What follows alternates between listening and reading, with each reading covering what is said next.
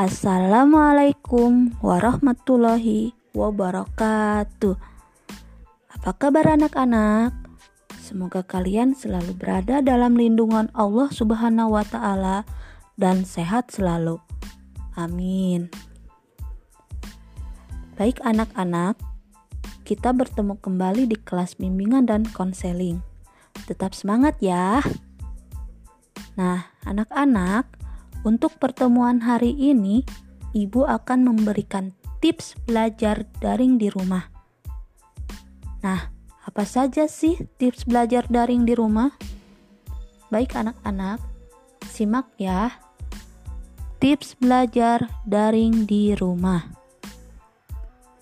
Pertama, persiapkan fisik kalian.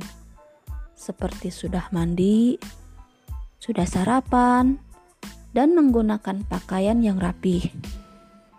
Tips yang kedua, awali belajar dengan niat dan berdoa. Tekadkan niat kalian bahwa kalian ingin belajar dengan sungguh-sungguh. Berdoalah agar kalian dimudahkan dalam memahami pelajaran dan dalam mengerjakan tugasnya.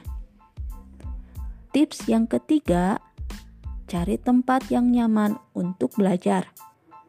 Usahakan jangan belajar sambil rebahan, apalagi di tempat tidur. Belajarlah di tempat yang tenang, sehingga kalian bisa fokus dan berkonsentrasi. Sesekali belajar di tempat terbuka, seperti di teras, di halaman, atau di bawah pohon juga menyenangkan. Hal tersebut bisa mengurangi tingkat bosan kalian selama belajar daring. Tips yang keempat, luangkan waktu kalian untuk istirahat.